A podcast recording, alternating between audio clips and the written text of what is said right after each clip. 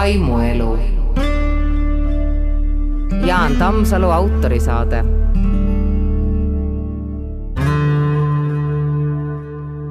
tere tulemast saatesse Vaimuelu. Jaak Jõerüüt. tere!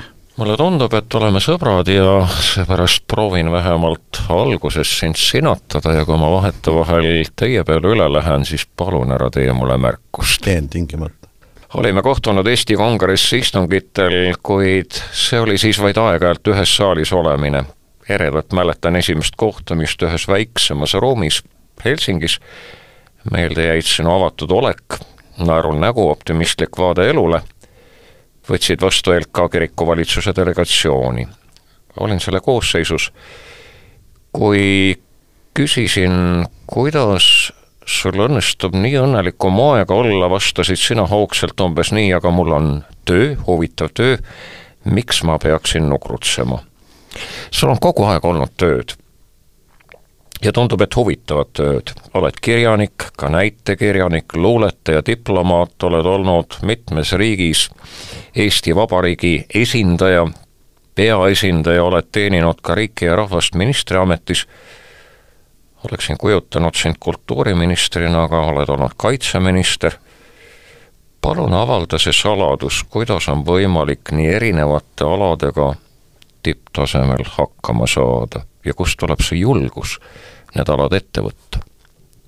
no tegelikult oli su selles sissejuhatuses mitte üks, vaid mitu küsimust ja enne kui ma selle põhiasja juurde lähen, siis vaata, see kultuuriminister või kaitseminister, no see oli lihtsalt üks niisugune näide elust, mis tõenäoliselt väga paljudel juhtub, kui mitte kõigil, kas kõik oskavad seda tähele panna, seda ma ei tea. see lihtsalt juhtub, ühel hetkel on su ees valik, nii nagu muinasjuttudes tavaliselt oli kolm teed, aga enamasti inimestel on kaks võimalust valida jaa või ei. ja ja kui sulle tehakse mingi ettepanek, mis võib tulla ka täiesti ootamatult, siis sa lühikese aja jooksul lihtsalt otsustad. Ja seal siis mängivad nii paljud need isiklikud tegurid kaasa sinu oma eelmisest elust. aga selle kaitseministriga on veel niisugune lugu, ma kirjutasin äh, ühe pika loo alguses oma vanaisast, aga siis ka mälust, mis vanaisa oli Eesti sõjaväelane. Ja see lugu ilmus novembrikuu, möödunud aasta novembrikuu Akadeemias. Ja selle pealkiri on praegusel ajal iseloomulik, see on äh, sõjast äratatud mälu. ja ma jätan selle kirjeldamise kõrvale, mis seal kõik sees on, äh, kuhu see lugu niimoodi niisuguse slaalomi sõitja äh, kursil liigub sinna ja tänna, aga seal lõpus on üks ülestunnistus. Ja see on otseselt nüüd seotud sinu selle, selle sissejuhatusega see on niimoodi, et ma, minu elu esimene mälestus, mida ma suudan tuvastada täpselt, oli siis, kui ma olin kahe ja poole aastane ja mind esimest korda kevadel äh, Kivimäel no, meie kortermaja õue peale lubati. Ja ma mäletan, äh, alati olen mäletanud ühte niisugust asja, mida ma seal maas, maast leidsin ja siis näppisin käte vahele, seal olid mingid torud ja nüüd, kui siis oli, nüüd on nagu sõjaaeg, Ukraina sõjaaega ja mälu hakkab selle taustal töötama hoopis teistmoodi, sest kogu maailma taust on muutunud ja siis ma hakkasin mõtlema, et mis asi see tegelikult oli. ja on täiesti võimatu kirjeldada, mismoodi inimene leiab oma mälust need täpsed faktid üles ja siis ma sain ühel hetkel aru, et minu elu esimene mänguasi oli siis äh, kerge kuulipilduja harkjalg.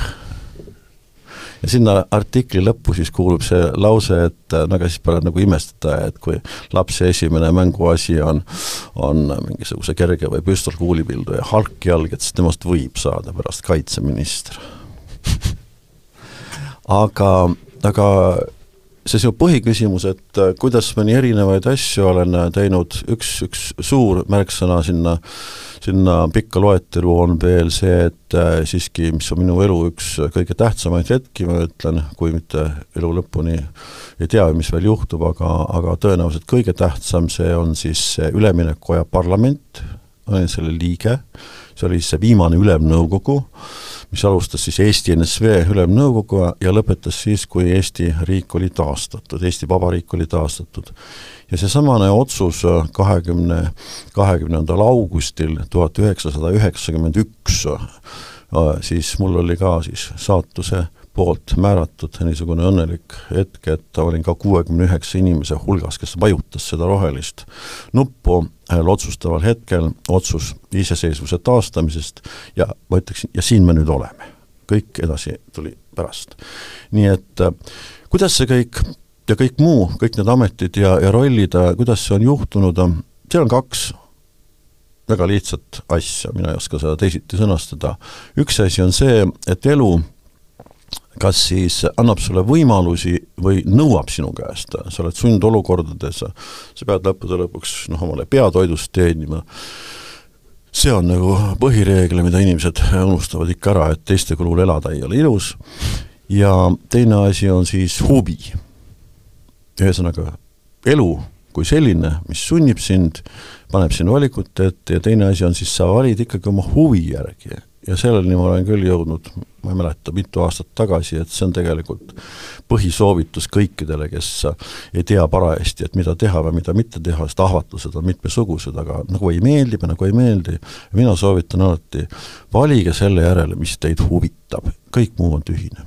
ja niimoodi on see läinud nii et see, kui sa käisid, kui me siis, nagu sa ütled, esimest korda kohtusime seal Helsingis, kus mind oli just suursaadikuks määratud Eestit esindama, see oli tõesti väga mitut äh, pidi huvitav, sellepärast see oli nagu otsene jätk sellele noh, revolutsioonitegevusele, nagu ma olen ütelnud, mis oli aastaid siin Eestis kaheksakümnendate lõpus ja siis selles parlamendis kestnud ja see oli siis nüüd selle taastatud riigi ülesehitamise algus.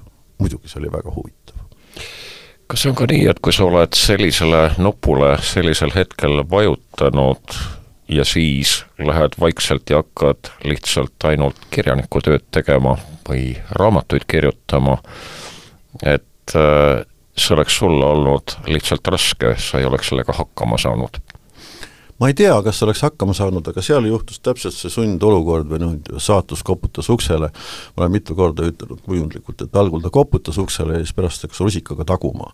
tegelikult ma asutasin koos sõpradega kohe pärast parlamendist lahkumist kirjastuse Tuum, mis siiamaani on muide olemas, niisugune pisikirjastus, ja arvasin, et ma hakkangi sellega tegelema, kirjutamise ja kirjastamisega. Aga ajalt oli uus parlament tööle saanud ja uus valitsus, Mart Laari valitsus ka, kui oli hirmus äh, suur vajadus kohe saata Soome suursaadik, sest Lennart Meri, kes oli meie esimene sõjajärgne suursaadik seal, sai presidendiks. et, et soomlastel oli oma saadik Tallinnas juba ammu olemas, nii et igatepidi hirmus suur vajadus, no ja siis käis saadiku otsimine ja lõppude lõpuks äh, siis pakuti seda mulle, alguses ma ütlesin ei ja siis möödus nädalaid ja vaat siis juhtus igasuguseid asju, mida ma olen mõnes raamatus kirjutanud, et ma lihtsalt sain aru, et see mingi nähtamatu surve, ma ütleksin, on nii suur, et ma ütlesin lõpuks okei okay,, jah, ma lähen. lugesin uuesti üle sinu kirjutatud raamatuid, artikleid, luuletusi.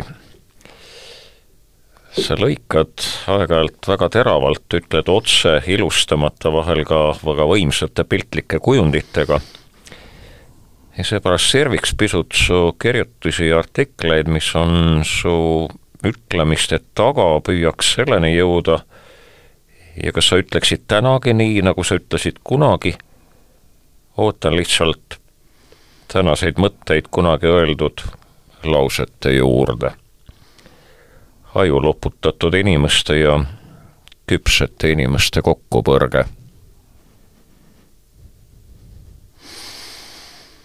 ma ei tea, millist, äh, millist tüüpi või kui pikka vastust sa või komment-, lisakommentaari sa sellele, sellele, sellele, nendele fraasidele ootad, aga minu arvates see on äh, üha hullemaks läinud äh, aegadega.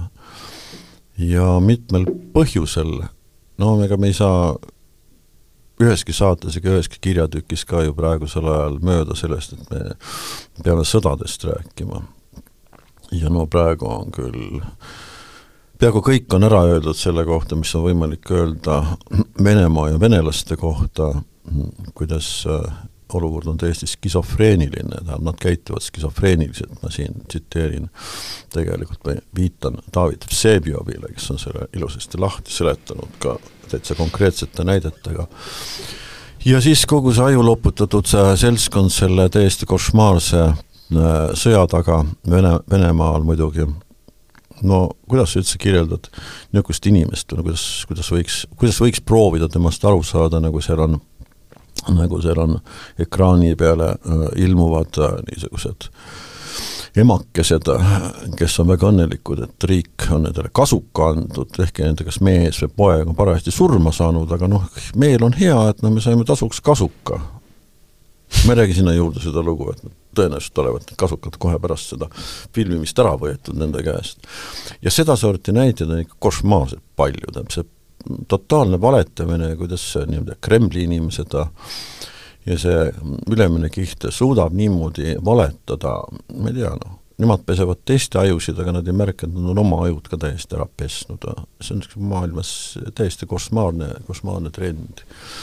ja, ja ma olen ühes kohas juba ütelnud ja kordan siin äh, rahulikult, et et tegelikult äh, niinimetatud maailmasõda on küll käimas, aga ta on täiesti teistsugune kui äh, need varasemad, mille pealt proovitakse matti võtta, et kas juba niisugune, niisuguse dimensiooniga verine sõda käib. maailmasõda käib, aga see on infosõda.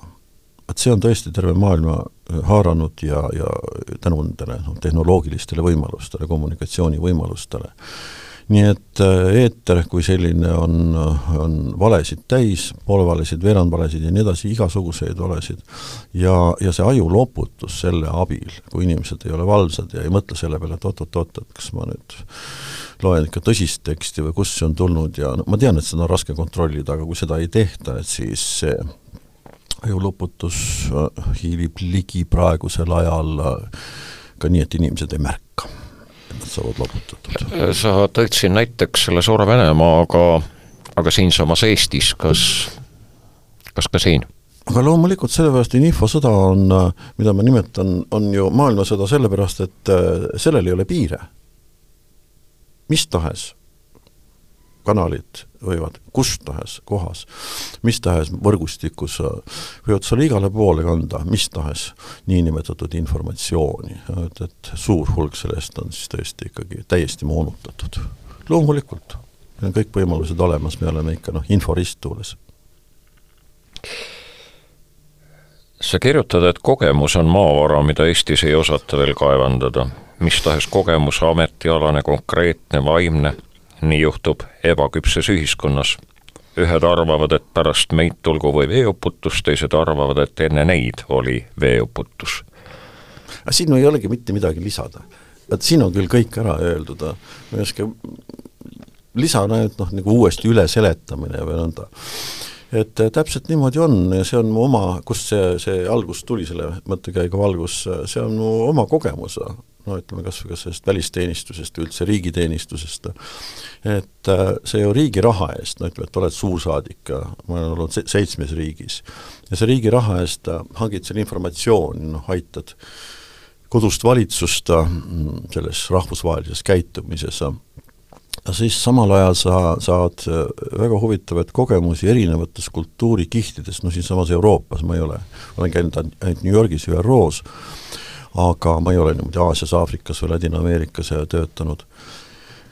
ja siis, mismoodi siiski inimesed reageerivad erinevatele tõsiasjadele või mismoodi nad käituvad ja kuidas oma informatsiooni, oma soovi edasi anda ja noh, selles vallas ikka noh, ligi veerand sajandit sai seda, seda välisteenistuse tööd tehtud, on palju küll kogemusi, aga korduv kogemus Eestist on see, et need kogemused ei huvita kedagi eriti lihtsalt ei huvita. sa võid ju kirjutada, sa võid ju rääkida, aga sellest ei tehta mingeid järeldusi. võib-olla siis tehakse, aga noh, see, et keegi tuleks ja räägiks sinuga, ma alguses imestasin, et Soome oli meile niisugune noh, väga hea koolituspaik igas mõttes ja siis, siis kui ma seal alguses olin ja Soome tundis ka mitmetel põhjustel Eesti vastu väga suurt huvi, ma tulin tagasi ja mõtlesin, et noh, see, et nii nagu esimese laine diplomaadid, et, et mina olin üks nendest, et, et peamajas, tähendab Välisministeeriumi peamajas võiks ju minuga rääkida, noh, küsida igasuguseid küsimusi.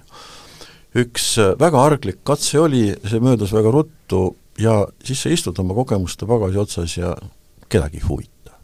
aga see on minu isiklik mulje, aga no mida kauem ma olen elanud, seda rohkem mulle tundub, et et paljudel on sedasama hoopis teistsugust elude kogemusi, mida nad võiksid jagada ja sellepärast ma endiselt kirjutan alla sellele lausele, mida ma vist olen üks kuus-seitse aastat tagasi kusagil ütelnud, et kogemused on maavara, mida Eestis siiamaani ei osata kaevandada.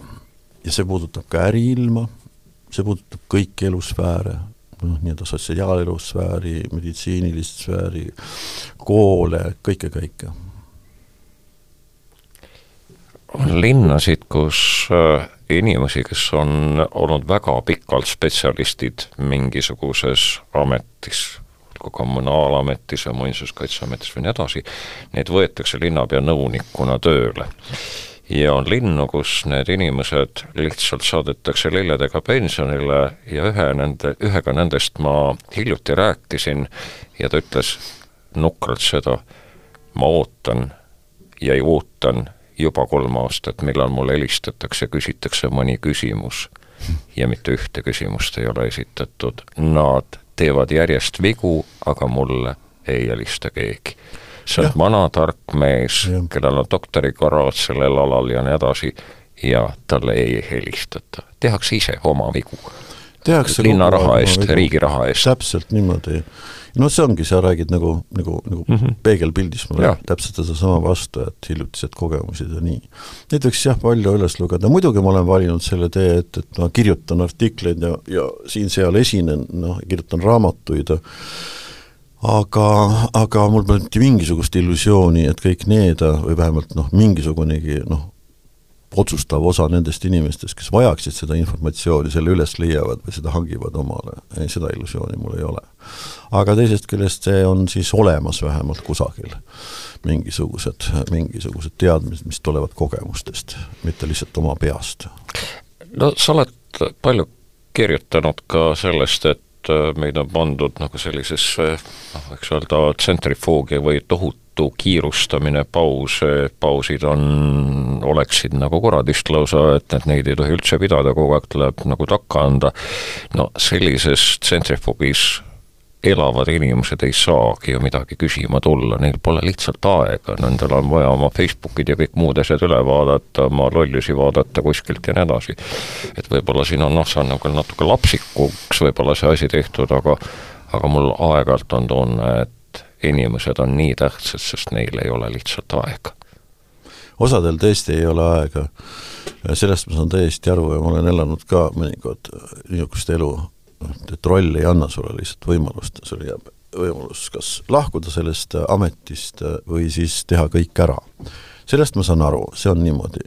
aga sinna juurde käib üks teine asi, mis puudutab siiski peamiselt kõiki inimesi, et et kuidagi ei tehta vahet, et kas sul on vaja ikka kõike seda teha või ei ole. Et selles suhtes on sul täiesti õigus, see kiirustamine, ma ei tea, kus kohta ja miks see tavaliselt siis on see, mis rikub, lõhub perekondi, rikub tervist ja nii edasi ja nii edasi ja noh, muidugi kurnab inimesed läbi. Osa, mis üks imelik tüüp on veel see, et neid inimesi ma olen ka kohanud, et nad proovivad aidata kõike, kõiki ja, ja siis noh, kõiges kaasa lüüa, ükskõik keda. andmata omale aru, et noh, nemad ei ole maailma keskpunktidega päästjad. ja niisugustel puhkudel tuleb olla, ja siis noh, nad kurnavad ennast läbi selle juures. ja selle lõputu aitamise, igal juhul aitamise, noh kõigile noh, siilist kõigil, kõik joodikud kraavist üles korjata ja kõigile uksed avada või või mida iganes. kusagile söösta ja siis on mul ammu-ammu juba tulnud meelde üks näide lendamisest, noh, kõik me oleme ju enamasti kõik me oleme vähemalt siin toas lennanud kunagi ja kes ei ole seda kogenud, õnneks mina mitte, aga vähemalt me oleme kuulnud siis neid instruktsioone lennu alguses. Ja üks nendest on see, et kui need hapnikumaskid sealt laest alla kukuvad, et kui midagi nagu lahti on, siis palun, ka siis, kui teil on noh, vanaema või laps seal kõrval istmel, te kõigepealt pange see hapnikumask omale ette ja siis hakake teisi päästma. ja muidu jäävad teised ka päästmata, see on väga lihtne mõte. ja see on üks, üks üleüldine põhimõte terves elus. kui te lasete ennast hukka selle lõputu teiste päästmisega, siis äh, te lõpuks ei suuda mitte kedagi ka oma kõige lähemas ja aidata, te, te lihtsalt lõpete ära selle lõputu päästmise pseudo-inimlikkuse all. pange see hapnikumask omale ette ja vaadake, et teie endaga on kõik korras ja siis te saate palju noh, lihtsamini, aga palju vähem niimoodi rabeldes, kirustades teha. nii lihtne see ongi. stuudios on külaline. rahvast ühendab keel, mitte raha, kirjutad Soomel ei ole muret, et tema emakeel kaduda võib, Eestil on see mure reaalselt olemas mugavuse ja rahaahnuse tõttu. majanduskasv on inimkonnale, eriti selle poliitilistele juhtidele, pseudomantra, millest ei suudeta loobuda, igavene majanduskasv piiratud territooriumil, mida maa kahtlemata on, ei ole ju võimalik majanduskasvu kuulutatakse kui ainsat edu mõõdupuud, kui ainsat ainet, millest tehakse paradiisi võti, paraku on see mantra, vaid võimu atribuut, mis mängib inimeste tunnetel hällist hauani. miks me oleme nii lapsikuks muutunud ja miks paljud ei saa täiskasvanuks, mida teha, et nad saaksid, kas sellel on mingit võtit veel, kas seda annab veel kuidagi tagasi pöörata? mulle meenub üks mantra, et äh, viie rikkama Eesti või maailma riigi hulka peaks Eesti jõudma ja nii edasi, et see kuidagi töötas omal ajal väga hästi, aga enam väga seda ei räägita, aga ikka kuskile kihutame. no sellele tsitaadile, mis sa ette lugesid, no kunagi ammu olen kusagile kirjutanud, sellele pole nagu suurt muud lisada, kui lihtsalt meenutuseks, et see ei ole üldse midagi originaalset, mis ma seal ütlen, vaid noh, kõige tuntum, tuntum nende, see, nende asjade ajaja nii-öelda on ju Rooma klubi. ja see oli vist kuuekümnendate lõpus, kui oma esimeses äh, nii-öelda globaalses raportis nad sedasama väitsid ja kirjutasid, aga see on ka niisugune lihtloogiline Äh, maa on piiratud, ühel hetkel lõpevad varud otsa ja ühel hetkel on lihtsalt äh, jäätmeid liiga palju. Sealt teavad väga paljud, aga asja teine pool on see poliitika ja vot see ongi see niisugune hiirelõks, millest ise välja ei pääse, mina ei näe mitte mingisugust väljapääsuteed äh, ennem kui, kui ja see kõlab nüüd väga niisuguse utoopilis-filosoofiliselt, mis ma nüüd ütlen, et ennem kui kui enamiku, mitte kõigi isegi, aga enamiku, otsustava enamiku teadvus, inimteadvus on muutunud. aga niikaua käib see edasi, sellepärast et mine ei ütle ükskõik millisel maal, ükskõik kas Ameerikas või või väikses Eestis inimestele, valijatele, et majanduskasv pole enam oluline. ise tead, saame me kõik aru, et, et noh, et see, see ei kõla, see ei lähe et kõik on harjunud sellega, noh, need on harjunud sedasama mantrat ütlema ja, ja ongi niimoodi. mina ei tea, kunas see piir kätte tuleb, et, et kõik hakkavad aru saama. alatasa muidugi tehakse katseid, aga noh, need on ka tihtipeale õige naeruväärsed, sellepärast et see praegune, praegune võlusõnaks peetav mõnedes ringkondades äh, rohepööre või, või kõik roheline, noh, see on tootnud juba ikka täiesti koomilisi tulemusi ka isegi Eestis, aga ma ei hakka neid kõiki üles lugema, siis läheks väga pikaks.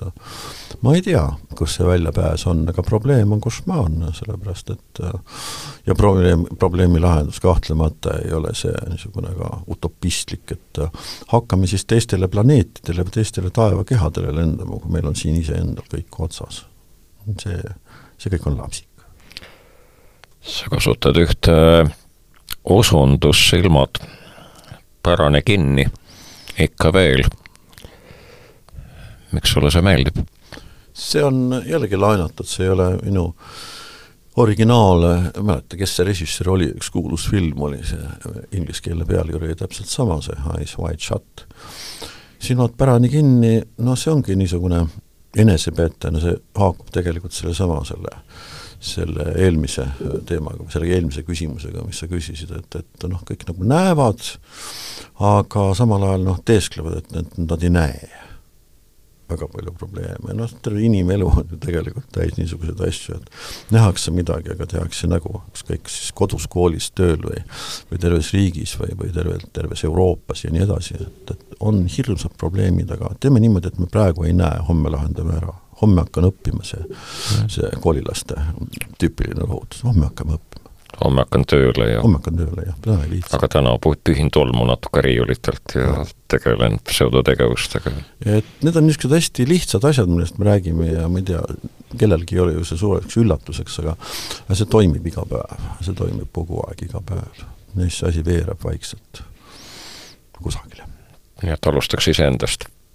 Aa, muidugi. see on kõige kindlam, et äkki natuke midagi muutub. aga nüüd sa jõudsidki jah, selle, selle teemani, et ega mul ei ole ka teisi mingisuguseid soovitusi, noh nagu see hapnikumaski hankimine, see on nagu üks nendest näidetest, aga tõepoolest, et see lõputu teistele soovituste jagamine, noh, mida ma võin siin tunnistada, et eks ma sellesse saatesse tulin ka äh, kerge kõhedusega, et, et ikkagi on see niisugune mõte, et noh, et, et, et et mis õigusega mina teistele mingisuguseid õpetusi jagan või noh, ma lihtsalt proovin seletada seda ja teist, mismoodi ma olen mõelnud, aga kahtlemata see, et inimene, seda, mis sa iseendaga pead tegema, mitte keegi, mitte ükski guru ega mitte ükski õp-, mitte ükski õpetlane ega mitte ükski teadlane ega mitte ükski kogukond ega klubi või selts, seda ei lahenda sinu eest see endasse vaatamine on palju keerulisem kui ütelda on ju väga lihtne, ei, ei ma uurisin jah enda, mõtlesin eile enda üle järele. see on tegelikult palju pikem ja keerulisem protsess, et enne kui sa hakkad aru saama, mis sa tegelikult ja kes sa tegelikult oled kirjutad, tormatakse, kuid paus, see oleks nagu päris patt ja lisad, et kiirustatakse vist seepärast, et kardetakse kohtuda iseendaga. Need, kes arvavad end olevat head, ei ole veel endaga tutvust teinud. maailmas ongi vaid kahesuguseid inimesi, ühed on juba õppinud endale teadvustama oma nõrkust ja teised veel ei ole. seetõttu on head inimesed sageli väga ohtlikud. ja osundad, osundad Tommy Hölstenit, ent sügavalt teadvustav inimene ei ole parem kui teised, ta vaid näeb selgemini iseenda ja teiste poolikust ja ebatäiuslikkust. no aga need inimeste ükskõik kes erialade tõttu või mõnedel muudel põhjustel, loomingu tõttu või edetabelitesse panemine on minu arvates erakordselt võlts tegevus ja täitsa mõttetu, see on ka niisugune ärimaailma eh, pealesundimine kõikidele elualadele, sest tegelikult inimeste liigitamine paremateks ja halvemateks äh, on üks äärmiselt äh, mõttetu äh, ja riskantne tegevus, ainuke asi, mida ma olen proovinud elu jooksul ära õppida ja omast arust olen siis siis, siis sellest ka hakanud aru saama ja võin ütelda seda, et on üks asi ainult, mida võib inimeste kohta, kui me räägime kõigist inimestest, võib ütelda, on see, et kõik on erinevad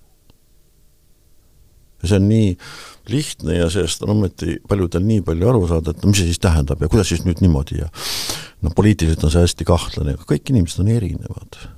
tegelikult see on nagu võti selle arusaamiseks, et kui sa oled erinev teistest, siis sinu kohta ei saa ju käia sama mõõdupuu, sama tollipuu, sama meetripuu, see ei käi, sa oled erinev teisest, sind tuleb teistmoodi mõõta. ja, ja nüüd noh, läheme natuke kaugemale ja, ja teised inimesed ei ole teiste inimeste mõõtjad, ma ei tea, kes meid mõõdab. aga mitte meie ise, teisi, kes mõõdab ja kaalub. see on üsna võlts tegevus.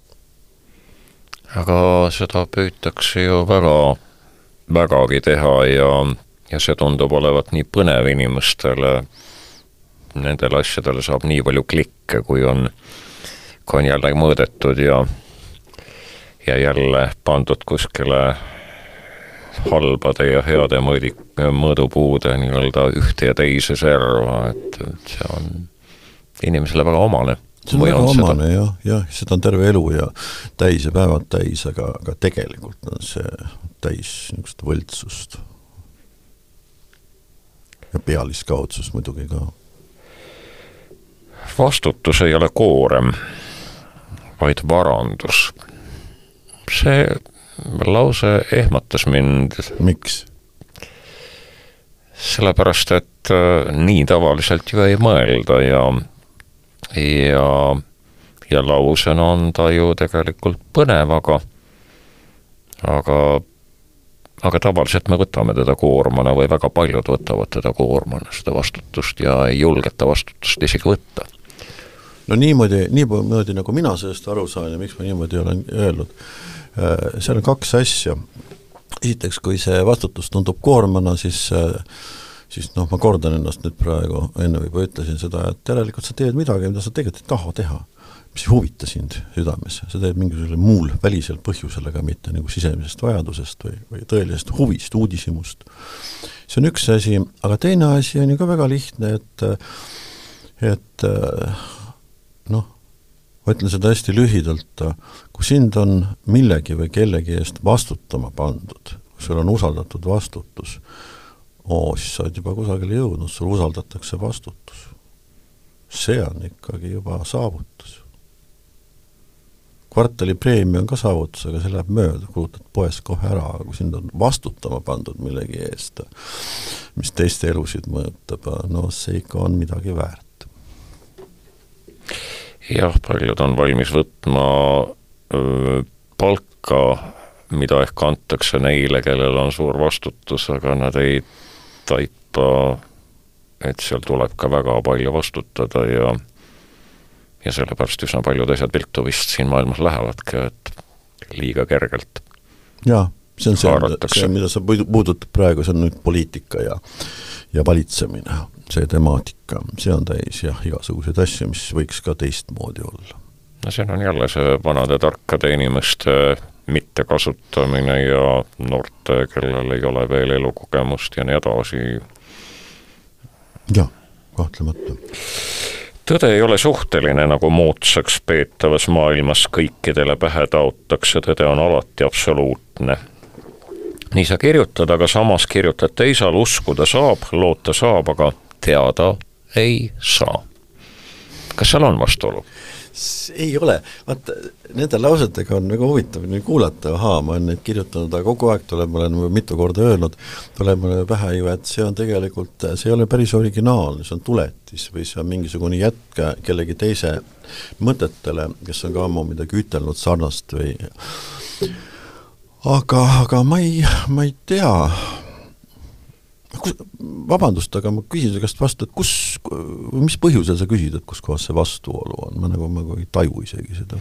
ei, see on lihtsalt, et, et, et tõde ei ole suhteline. no ta ei olegi. jah, tõde on alati absoluutne. ta on tõde, see -hmm. Andrei Vostovil äh, oli, oli äh, hoopis teises kontekstis selles äh, nii-öelda selles Iisraeli ja Gaza ja Hamasi küsimuses, oli üks väga hea artikkel Ekspressis nüüd samas siin eelmisel sügisel, see oli see, mis oli, kogu artikkel oli pühendunud sellele, et kuulge inimesed, sõnadel on tähendus. ja tõde on üks niisugune sõna, et tal on tähendus, ta ei ole suhteline mm. -hmm. see on täitsa mõttetu lisand mm. -hmm. aga ongi lahendatud. jah, aga noh, et kus see vastuolu või millega see vastuolu on? ei olegi vastuolu. Nonii. aitäh! kirjutad, et võim halvab inimese ja ka võimueksamist kirjutad. see eksam võib olla raske, kuid on hädavajalik. palun seleta seda halvatust pisut ja sedagi, mis võimueksamis on raske ja miks see on hädavajalik? no tegelikult on see mõte palju pikem, ma olen seda väga ammu juba enda jaoks niimoodi sõnastanud äh, palju, palju varem, kui kui see tsitaat või see lugu, kust see on võetud. tegelikult minu arvates on äh, inimestel, võib-olla on veel midagi, aga on vähemalt kaks asja, millega kõik inimesed äh, oma elus kokku puutuvad, absoluutselt kõik, kes maa peal elavad, need on raha ja võim. ja siis nagu me nüüd ainult võimust räägime, no raha isegi saate aru, noh ilma rahata ei saa. Keegi elada, ükskõik mis vääringus ta on või kui palju teda on, aga noh, raha on asi, millega inimesed kokku puutuvad nii või naamoodi ja võim on täpselt samuti ükskõik kelle või mille üle, alati on kõigil inimestel tuleb ette ette, see ei ole kogu aeg äh, läbi nende elu, aga alati tuleb kellelgi ette midagi, ükskõik, kas sul on noh, võim riigi üle, sa oled mingi suure rahvusvahelise organisatsiooni juht, kohe mõeldakse nende niisuguste võimupositsioonide peale, aga no tegelikult mõnel lapsel on võim oma, oma armsa kassi ja kassipoja üle ja ja talupidajatel on äh, võim oma loomade ja lindude üle ja ja siin kaugemale minnes, ütleme kaplinskilikuks minnes, ütleme natukene niimoodi muigaga, on see, et inimestel on võim ka kõigi taimede üle ja nii edasi ja nii edasi. Ja see, miks ma sellest üldse olen rääkima hakanud, on see, et need on kaks eksamit läbi elu inimestele, kuidas nad kasutavad raha ja kuidas nad suhtuvad sellesse ja kuidas nad kasutavad võimu, ükskõik, kas siis on Ameerika Ühendriikide president või mõni pereema oma lillepeenra juures. see puudutab kõiki, sellepärast on see mind huvitanud alati. Abraham Lincoln on meenutanud kunagi seda, kuidas tal oli üks rahakassa ja ja tohutu suur unistus, see oli mingi vilepill kuskil kaupluse vitriinis ja, ja ühel päeval lõi ta selle kassa puru, puruks ja läks ja ostis selle vilepilli. ja kui isa seda vilepilli oli vaadanud ja küsinud, et kuidas ta selle ostis, siis oli tulnud isalt lause, mis oli sellel mehel veel vanas eas ka meeles. sa maksid selle pilli eest liiga kallist hinda luba, et ma selle koha peal jutustan ühe seega oma elust.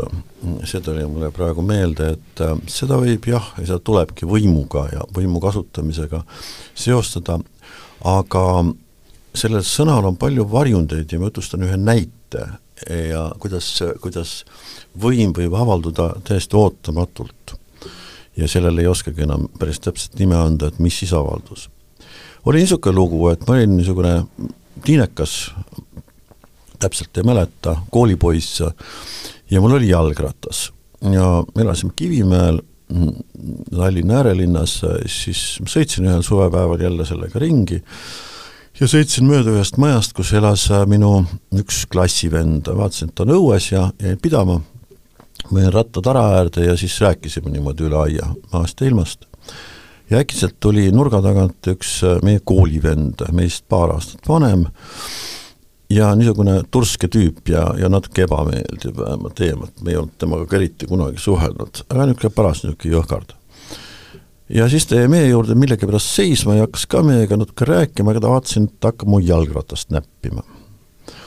ja seal raami küljes oli ka niisugune kott, see raamikott, seal sees oli, oli paar niisugust noh, jalgratta mutrivõtit, mida pidi alati kaasas kandma, ja seal sees oli ka üks võti.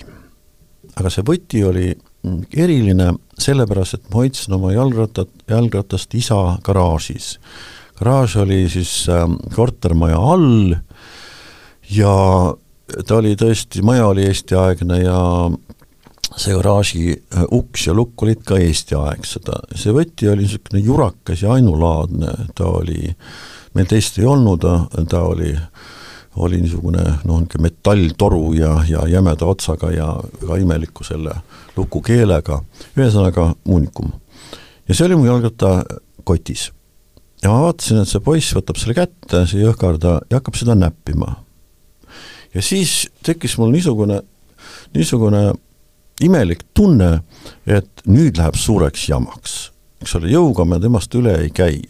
mis ma nüüd teen, kui ta võtab, lihtsalt paneb selle taskusse, et näe, et noh, huvitav võti juba näppis, paneb selle taskusse, läheb minema, et missugune jama tuleb kõigepealt äh, meil isaga ja, ja üldse, et aga kuidas me pärast autot kätte saame ja kuhu ma oma jalgratta panen, no ja nii edasi, ühesõnaga olukord muutus täiesti absurdseks mõne sekundiga ja ainuke asi, mis ma siis sealt mäletan, sellest järgnevast, on see, et ma ei tea, kuidas seda seisundit nimetada, ma läksin vihaseks, võiks öelda, või ma, ma olin erakordselt ärritunud. ja ma hakkasin teda sõimama, seda suurt poissi. aga see sõim ei tähenda, see sõna ei tähenda praegu roppust, ja ma ei mäleta üldse, mis sõnu ma kasutasin, vaid minu ainukene sõnum oli see, et, et sa annad mulle selle võtme kohe tagasi ja mis mul sealt seest tuli, ma ei mäleta neid sõnu, aga neid tuli hästi palju. ja hirmsa hooga. ja siis juhtus üsna ruttu niimoodi, et see suur poiss, algul ta ütles vist pobinal paar sõnakest, äkitselt ma vaatasin, et ta nagu hakkab nagu väiksemaks muutuma, seda ma mäletan. ja ta noh, füüsiliselt, vaid kuidagi üldse ja siis ta sõnatult andis mulle selle võtme tagasi ja kadus nagu varinurga taha. see täiesti noh, ebaloogiline juhtum igatepidi. ja miks ma seda jutustan? see on nüüd üks niisugune imelik asi, küll ma olen selle peale hiljem mõtelnud, ma olen ühes raamatus seda ka kirjeldanud, et mis asi sealt sees peitus, mis asi see välja tuli. seda võib ka nimetada mõnes mõttes võim teise inimese üle või mingisugune jõud või midagi täiesti nähtamatut, aga see oli kuskil olemas. ja ta avaldus niisuguses ekstreemses olukorras. vaimuelu.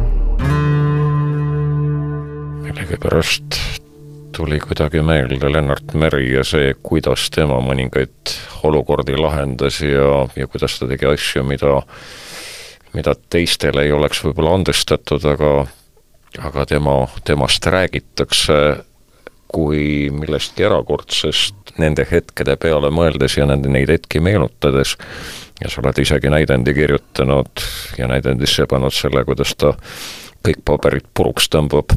Kellegi, kellegi nähes ja see vaene, vaene mees murelikuks muutub, sellepärast et ta tegi ka asju, mis olid täiesti aeg-ajalt ettearvamatud, vaevalt et ta nõnda nagu seda suurt meest noomis või õiendas, aga aga temas ka oli mingisugune nähtamatu võim ja, ja vägi pidevalt sees. No see on jah, mingisugune vaimujõud, võiks öelda, aga, aga see on, ta on tõesti nähtamatu ja ja see noh, kindlasti on paljudel inimestel mingisuguseid sarnaseid kogemusi oma elus, no füüsil-, füüsi-, kui füüsilisest elu, füüsilisest poolest rääkida, siis klassikalised näited kusagil arstiteaduslikes raamatutes või, või psühholoogia raamatutes on need, et, et mingisuguses afektiseisundis tavaline inimene hüppab rohkem kui, kui kõrgust kui, kui maailmarekordi omanik sellepärast et ta on afektiseisundis ja ta ei, pärast isegi ei saa aru, kuidas ta üle selle tara või takistuse sai, sellepärast et tal oli vaja. ja noh, nii see Lennarti näide kui see, mida ma endast rääkisin, sellest poisikesena, kui kõik need näited äh, tähendavad seda, et see peab kuskil sees olema sa oled ise mitmel korral loobunud näilisest võimust, astunud ministrikohalt tagasi, võtnud vastutuse teiste eksimuste pärast, astunud välja erakonnast.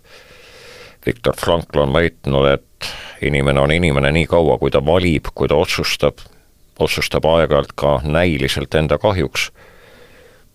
kuidas sina selliste valikute ees oled suutnud võimust ja sellega kaasnevatest hüvedest loobuda mm.?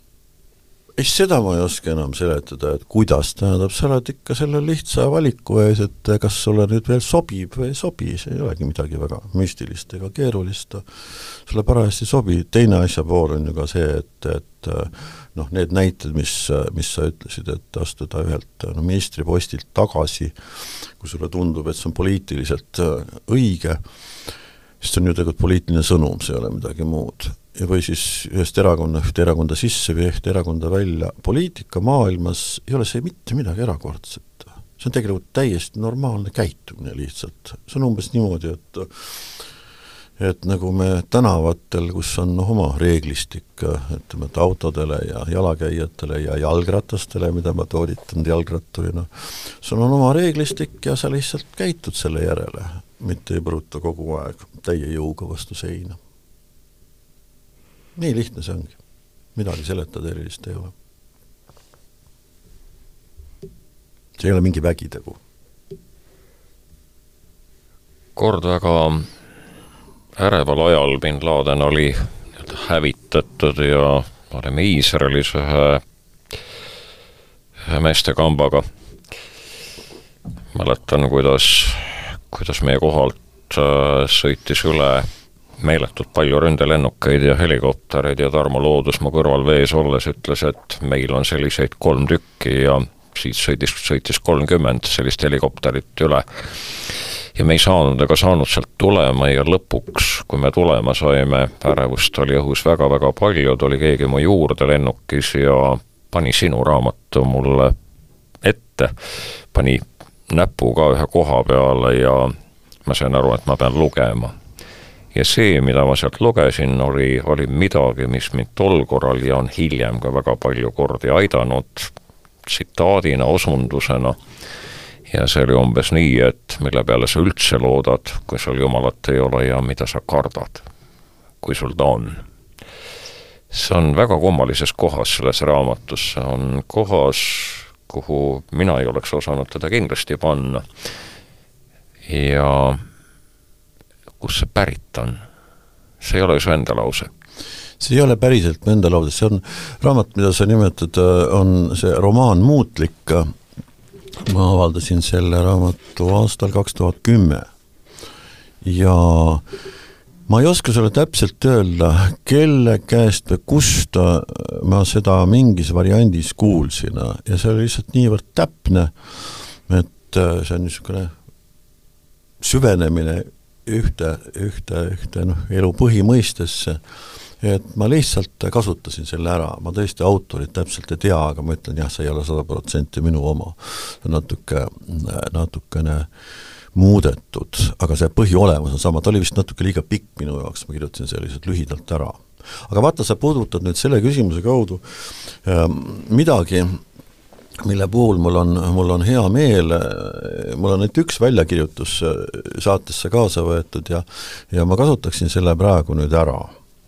sellepärast, et me puudutame noh, äh, seda, äh, me puudutame Jumala teemat äh, mille üle siis ju inimkond vaidleb alatasa, et kes ta on või mis ta on ja kuidas teda sõnastada ja nii edasi, nii edasi, et ärme, ärme seda hakka tegema.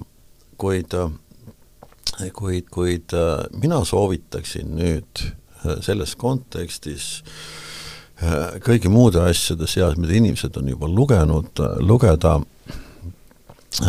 akadeemiku, astrofüüsiku Jaan Einasto Äh, ühte viimast intervjuud, mida mina olen lugenud, see oli kuskil detsembri alguses, ta oli vist äh, seal dets-, Delfi, Delfi Forte äh, jaotuses kuskil. aga ühesõnaga Delfist leiab selle ja ma võiksin seda pikalt praegu ümber jutustada, aga pole vaja. see on teadlase astrofüüsiku jutt, kusjuures tuletan meelde, kes ei mäleta, et Einastot võiks ju nimetada ka noh, ka globaalselt tuntuks niikuinii, aga ta on universumi uurija. ja seal päris selle intervjuu lõpus, vastuses viimasele küsimusele, ütleb tema niimoodi, no jutt on planeedist Maa ja elu tekkimisest ja, ja universumist ja see tumeainest ja kõigist nendest huvitavatest asjadest. ja nüüd ütleb ähm, Jaan Einasto niimoodi, et planeedi Maa puhul on selge, et mitte ainult aine pole võimalik, vaid sellest ainest on võimalik teha elu. Viimane lause on niisugune, elu, see on aine pluss informatsioon. vaat tükk aega pole lugenud nii head lauset. kusjuures, aga seda tasub nüüd inimestel endil Äh, üles otsida ja lugeda, kusjuures äh, ma tsiteerin hästi vabalt, temal on palju täpsem see ütlus seda, äh, kusjuures ta ütleb otse, et tema arvates noh, et Jumal, tihti kujutatakse teda selle vanapapina kuskil pilve serval, et see on muidugi kõik niisugune mm, mõttetus, aga me võime seda öelda, arvab astrofüüsik, et informatsioon sellisel kujul, nagu teda maailmaruumis leidub, see võib ka olla, kanda Jumala nimetust. edasi soovitan kõigil ise lugeda. kunagi kirjutasin kirjastus Varrak palvel ühte raamatut, Surm on edasitee, kus kõnelen palju just nendel teemadel, mis puudutavad surma, leina ja nii edasi ja tahtsin sinna saada üsna palju luuletusi, mida nendel teemadel on kirjutatud ja saatsin kirjad välja siis erinevatele autoritele, et paluda nendelt siis mõnede luuletuste kasutamist ja ja sina olid ainus, kes ei vastanud vist umbes kolm päeva ja, ja ma olin päris kohkunud no ei ei-d ega jaad. ja lõpuks siis tuli välja, mille pärast sa vaikisid, sa vabandasid ja, ja kirjutasid, et loomulikult võib seda luuletust kasutada, aga leheküljel see on veel see luuletus ja leheküljel see on veel see luuletus ja tegelikult panin mõned vist peaaegu et kõik sisse, mida sa siis soovitasid. sa olid ääretult põhjalik sellele kirjale vastamisel ja, ja lehitsesid oma luulekogu põhjalikult läbi. aga üks, see luuletus, mida ma väga sinna tahtsin, kõlab nii ja ma arvan, et see võiks siia lõppu päris ilus olla. nüüd ma tean, et kõik on üürike, linnulend ja inimese elu, noot ja silp ja lumesaju lõpp, armastusaeg, mis antud ühes elus. nüüd ma näen, mismoodi kõik see kaob, see, mis oli, on ja mis võib-olla tuleb. tuli praksub ahju sees ja süda taob just nii kaua, kuni ise suleb selle ukse, mille avas süda. nüüd on oldud, nüüd on teised uksed üürikeseks avatud. Jah, seda nüüd ma tean, sest kõik on üürike ja siis tuleb see teine luuletus, sellesama luuletuse jätk. nüüd ma näen, et kõik on igavene, linnulend ja inimese elu, noot ja silp ja lumesaju lõpp, armastusaeg, mis antud läbi elu. nüüd ma tean, kus kohta kõik see jääb. see, mis oli, on ja mis võib-olla tuleb, tuli praksupahju sees ja süda näeb kõike igavesti ega sule iial uksi, mille avas süda. nüüd on oldud, nüüd ka teised uksed igaveseks avati ja seda nüüd ma näen, sest kõik on igavene. aitäh, Jaak Jõerüüt, et sa tulid, et sa, et sa olid, et sa kirjutad ka selliseid luuletusi, selliseid tekste, mis panevad mõtlema, mis panevad küsimusi küsima, mitte lihtsalt läbi lugema. aitäh, et sa koputad, koputad südametunnistusele ja, ja muudelegi ustele meie sees. aitäh selle eest, mida sa oled teinud siin riigis, selles maailmas. Ole hoitud aitäh sulle, Jaan, kutsumast ja heade sõnade eest! vaimuelu